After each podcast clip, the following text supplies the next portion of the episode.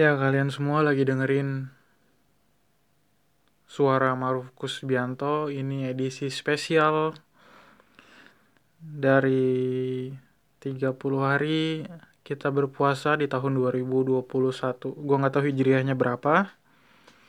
Tapi ini adalah kalau kalian dengar ini, ini adalah hari terakhir atau hari ke-30 di bulan Ramadan atau memasuki hari ke-30 karena dalam penanggalan Hijriah tanggal baru itu dihitung mulai setelah asar kayaknya kalau gua nggak salah. Jadi intinya misalnya ini ini misalnya ini adalah hari ke-29 tapi udah sore itu udah memasuki hari ke-30 dan tandanya ini adalah tarawih terakhir bagi yang tarawih dan juga tarawih eh bukan bukan terawih. Uh, ini juga merupakan puasa terawih. Puasa terakhir bagi yang puasa karena pilihan di bulan Ramadan kan cuma dua. Berpuasa atau enggak uh, tarawih atau enggak gitu. Tapi uh, banyak banget peristiwa di tahun 2021 khususnya di Ramadan itu terjadi gitu. Beberapa kayak misalnya kita dilarang mudik itu peristiwa yang udah direncanakan sama manusia. Ya aneh sih sebenarnya. Orang nggak boleh mudik tapi Cina boleh masuk. Itu ngapain gitu? Uh, memang dari awal juga kebijakan-kebijakan yang kayak gitu tuh aneh gitu. Kayak misalnya udah oh, tahun kemarin tahun 2020 itu harusnya ketika pandemi mulai ada itu harusnya border tuh ditutup tuh bukan dibuka. Tapi malah kita kemarin border dibuka tetap. Tapi malah anehnya pengetatannya itu yang di, di dilakukan di tiap daerah. Jadi bukan terpusat. Per daerah itu udah mulai men mengetatkan aturan kayak misalnya uh, untuk transfer tiap manusia dari satu daerah ke daerah lain itu harus menggunakan PCR uh, eh, PCR letter atau PCR test jadi itu aneh menurut gua. Itu ngapain orang dari tiap daerah ke daerah itu di dibatasi dengan penggunaan PCR tes jadi yang naik yang positif itu nggak boleh terbang nggak boleh naik pesawat nggak boleh naik kapal. Tapi anehnya yang dari luar negeri boleh masuk. Harusnya kalau kita tahu e, corona itu datangnya dari luar itu bukan orang yang di dalam yang di dibatasi. Tapi akses untuk keluar masuk ke Indonesia yang ditutup. Dan sampai sekarang pun akses masih dibuka. Berbanding terbalik sama kayak Rusia yang sampai sekarang pun teman-teman gue nggak bisa masuk gitu ke Rusia. Yang udah pulang ke Indonesia itu nggak bisa masuk. Saking ketatnya Rusia, itu mereka sampai sekarang pun cuma beberapa negara yang boleh masuk dan itu hanya untuk tujuan tertentu atau purpose special purpose misalnya sekolah berobat atau pekerjaan yang mendesak. Dan menurut gue itu efektif karena kita di dalam negeri, di dalam Rusia, itu nggak perlu pakai PCR, walaupun kita mau dari Vladivostok atau dari Vladivostok mau ke Moskow itu nggak perlu pakai PCR test. PCR test digunakan hanya untuk ketika kita melakukan penerbangan internasional dan itu efektif karena kita tarik balik lagi karena corona itu asalnya dari luar. Yang mana itu bukan dari negara kita harusnya akses keluar masuk ke negara kita yang ditutup. Bukan pengetatan dari dalam tapi di luar tetap dibuka. Itu sama kayak kalian bikin pintu bikin bikin pintu berlapis bikin jendela ada teralis tapi nggak kalian kunci pintunya. Itu sama tuh kayak gitu tuh. Semuanya pengaman berlapis, tapi tetap ada akses untuk masuk. Itu yang berbahaya.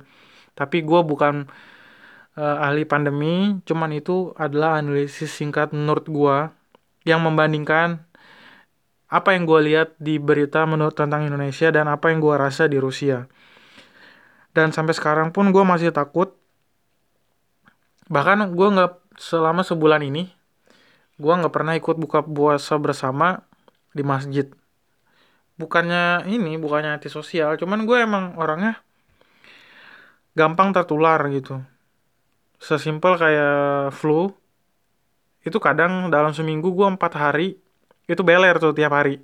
Beler itu kayak orang nyabu udah kayak orang nyimeng. Apalagi corona jadi gue takut banget berkumpul berhimpun bersatu padu di tempat itu.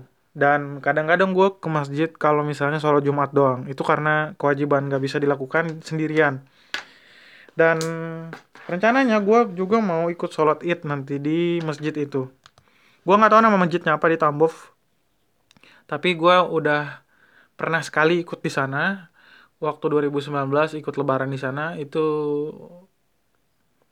lumayan rame dan setelah itu kita juga ada makan-makan bersama gitu. Jadi hitung-hitunglah ketemu ketemu teman satu agama. Ya walaupun kadang satu agama juga nggak nggak ada nggak nggak nggak rasa. Kadang orang yang satu agama juga kadang kita merasa terancam gitu. Ya itulah hidup kita nggak bisa milih. Uh, teman kita siapa? Kadang teman itu datang dengan berbagai macam bentuk dan rupa jadi kita harus bisa ber ber bersosialisasi dan menyesuaikan dengan kondisi yang ada. Ya biarinlah orang aneh tapi kita nggak aneh gitu. Tapi teman gue nggak aneh-aneh banget sih. Ya aneh-aneh aja sih. Nggak nggak aneh banget intinya. Intinya ya, jangan ngeselin lah intinya. Kalau ngeselin udahlah. Mending lu berhenti aja berteman sama orang yang ngeselin. Dan selanjutnya eh, Ramadan kali ini juga selain kita dilarang mudik tapi tetap orang asing masuk Eh, kita selanjutnya ada aturan-aturan lain kayak misal ah bukan aturan uh, di Palestina sedang lagi terjadi sedang terjadi sedang terjadi apa namanya baku hantam per, pertikaian. Dan itu udah udah udah mulai banyak yang ngeluarin funding fundraising untuk uh, menyumbang untuk rakyat Palestina yang ada di sana. Ya bagus sih sebenarnya saling membantu satu sama lain. Dan semoga aja cepat berakhir.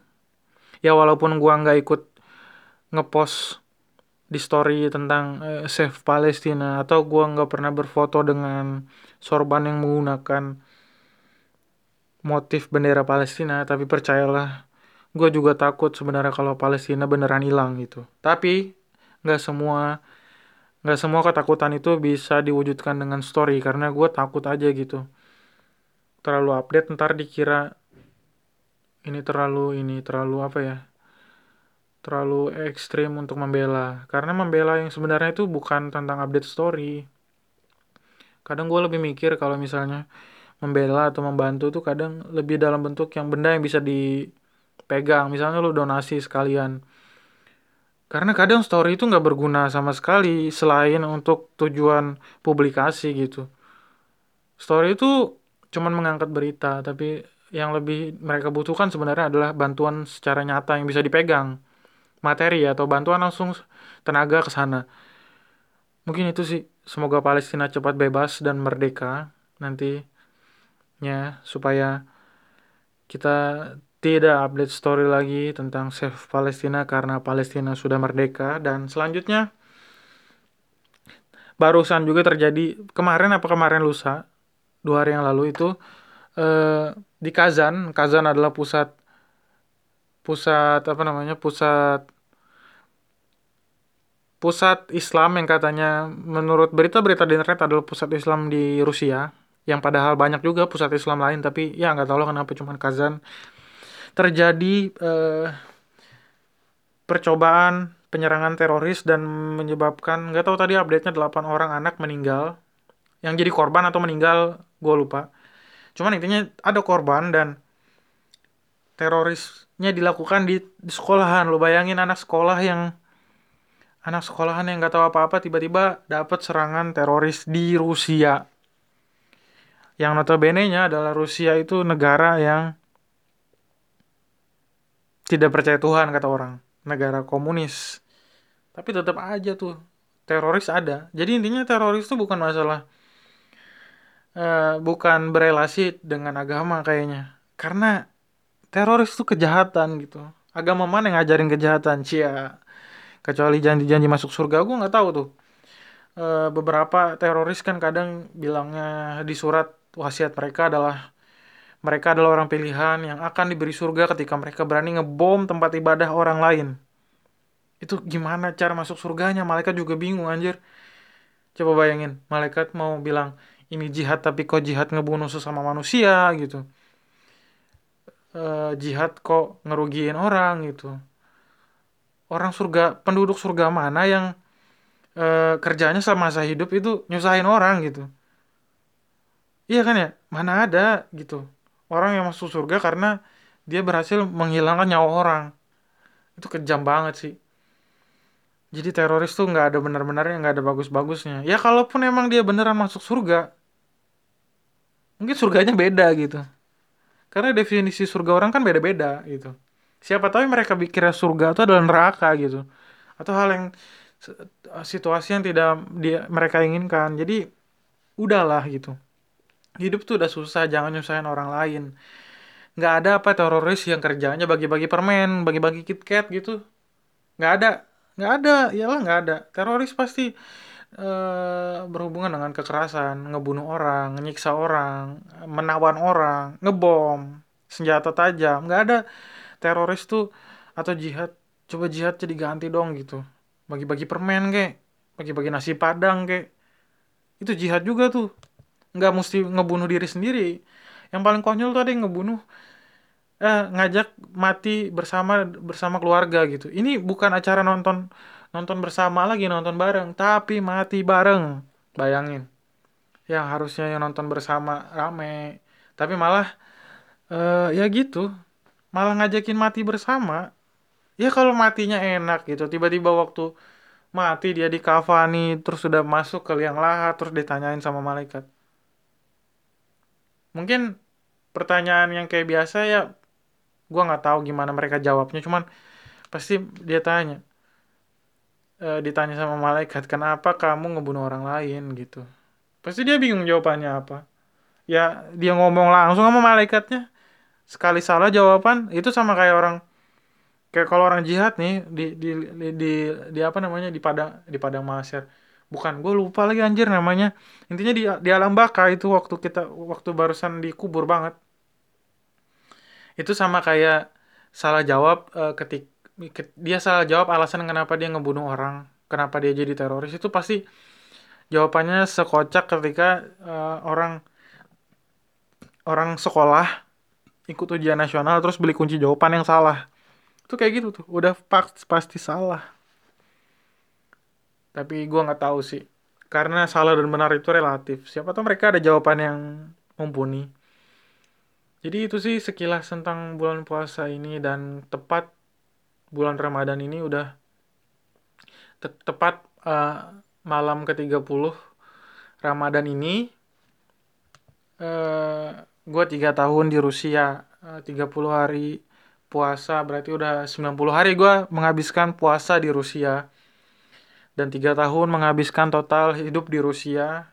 Kalau misalnya gue nanti September pulang. Semoga aja gue pulang. Dan apalagi ya? Oh ya uh, eh, gue nggak tahu ya.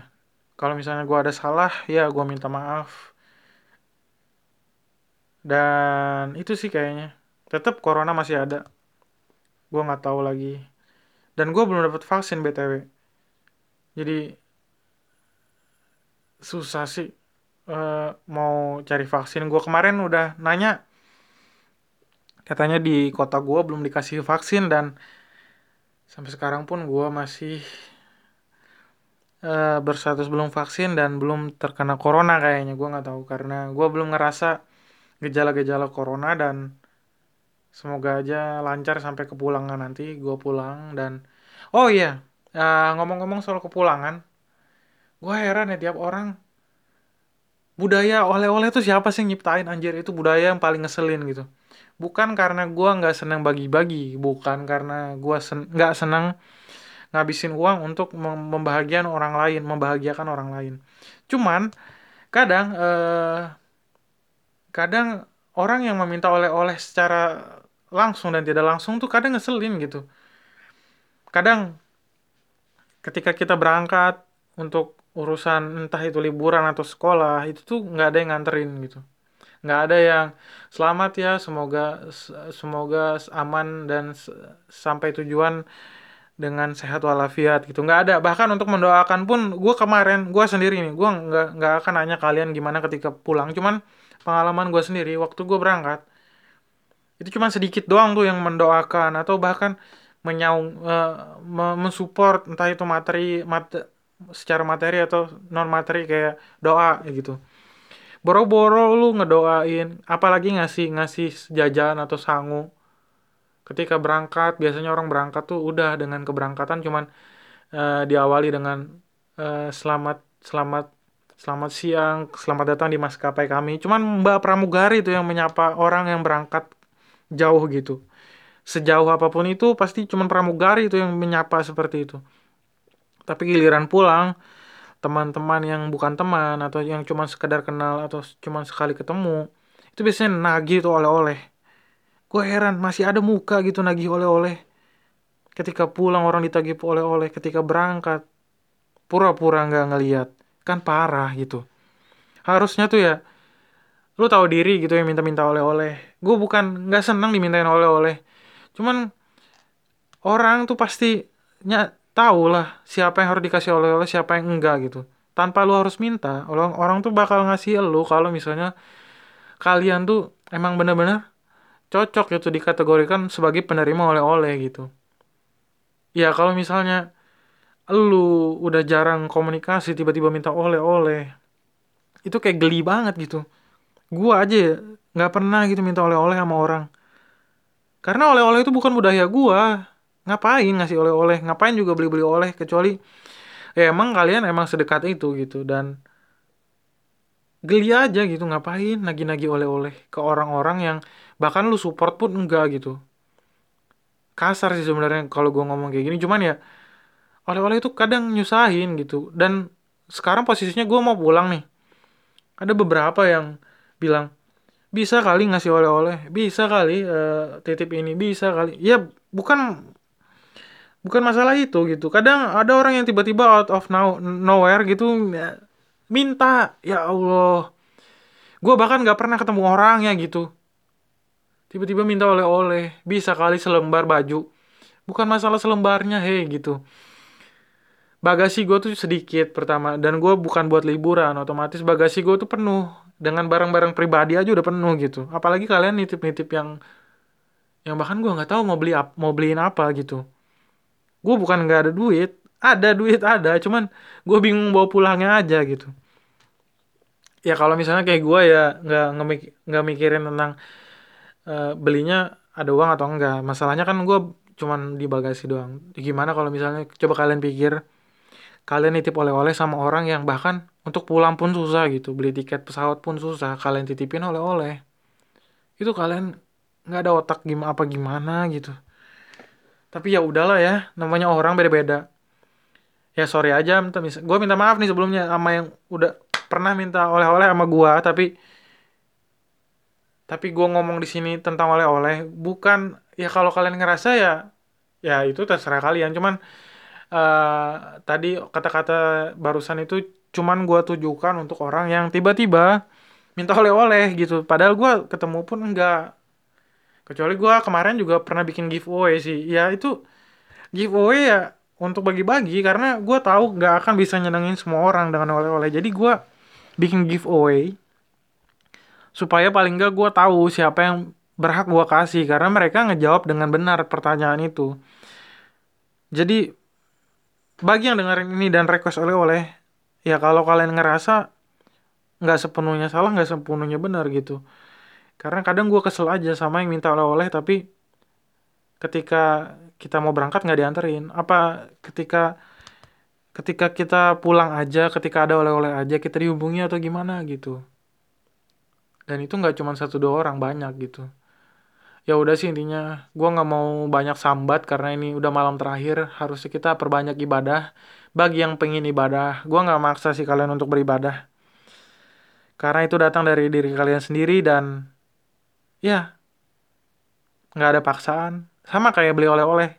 Gue nggak pernah terpaksa untuk membelikan oleh-oleh oleh orang selama gue pingin gitu. Jadi intinya semuanya itu tergantung uh, kemauan kalian. Kalau kalian merasa tidak nyaman terpaksa jangan lakukan itu. Minta maaf membantu orang lain ngasih oleh-oleh. Semuanya juga sesuai dengan uh, keinginan dan kenyamanan kalian sendiri. Jadi tidak ada paksaan dan itu intinya. Jangan pernah mencoba membahagiakan semua orang lain karena yang harus dibahagiakan pertama adalah diri kalian sendiri baru orang lain kalau bisa dan mampu. Itu sama kayak rukun haji yang keberapa gitu. Jika mampu dan sanggup. Nah itu intinya. Nggak nggak perlu lah ngebahagiakan orang lain. Kalau kalian sendiri pun belum tahu definisi bahagia kalian apa.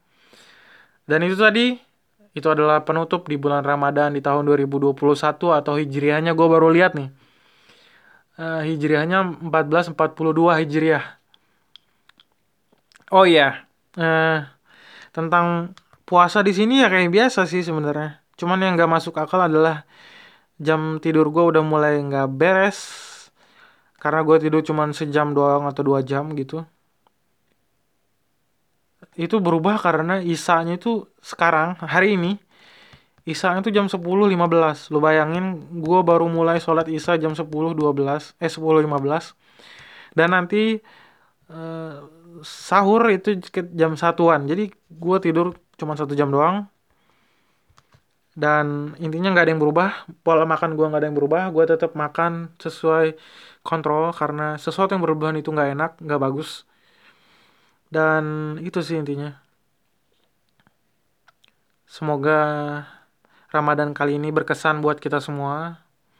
Baik untuk muslim ataupun yang bukan muslim karena harusnya Ramadan itu menjadi tempat perdamaian uh, waktu berdamai untuk segalanya gitu. Oh iya gue yang paling kocak adalah kenapa ya waktu Ramadan eh warteg-warteg itu dilarang buka gitu harus ditutupin pakai kain emang sengiler itu ya lu puasa gitu ngelihat makanan tiba-tiba lu pengen batal gitu. Harusnya puasa tuh untuk menahan. Yang ditahan itu hawa nafsu bukan e, rezeki orang. Karena menurut gua warteg ditutup itu kita menahan rezeki orang. Yang harusnya dia jualan hari itu 100 porsi kalau ditutup lu bayangin berapa rezeki yang hilang berapa persen. Dan mas masalahnya kenapa warteg ditutup tapi oh warteg digerebek tapi KFC tetap dibuka gitu. Kan aneh maksud gue udah profitnya dikit dari warteg. Tapi malah digerebek. Nggak make sense gitu. KFC juga harus digerebek gitu. Sekalian gerebeknya tuh ambilin uh, ngegerebek kayak seganas kayak ngegerebek warteg gitu. Ketika ngegerebek KFC kalian ambil tuh semuanya uh, ember-ember paha ayam kalian ambil tuh semuanya es krim. Karena menurut gue grebek tuh bukan tindakan yang manusiawi gitu. Bisa diomongin gue bisa gitu. Cuman nggak gitu juga. Tapi menurut gue puasa itu yang dikekang tuh bukan masalah yang dikekang tuh bukan aturan makannya. Tapi yang dikekang adalah hawa nafsu. Hey. Jadi itu intinya uh, inti sari dari Ramadan kali ini. Lebih manusiawi. Jangan jadi teroris jangan ngeselin. Jangan malak oleh-oleh sama orang yang bahkan kalian pun gak pernah menyumbang apa pun terhadap dirinya atau kontribusi apa pun terhadap diri orang tersebut. Kalian tuh gak harus ngemis oleh-oleh. Kalau memang kalian pantas dikasih oleh-oleh pasti dikasih tanpa diminta. Oke? Okay? jadi itu intinya. Selamat menjalani uh, hari terakhir puasa. Semoga puasa kalian mabrur yang bolong puasanya jangan lupa diganti tapi kalau pengen doang kalau nggak pengen juga nggak apa-apa. Karena dosa ditanggung masing-masing. Selamat berlebaran walaupun virtual. Dan itu udah itu aja sih. Sekian dulu. Uh, Ramadan tahun 2021 gua Maruf Kusbianto sampai jumpa di episode selanjutnya Bye.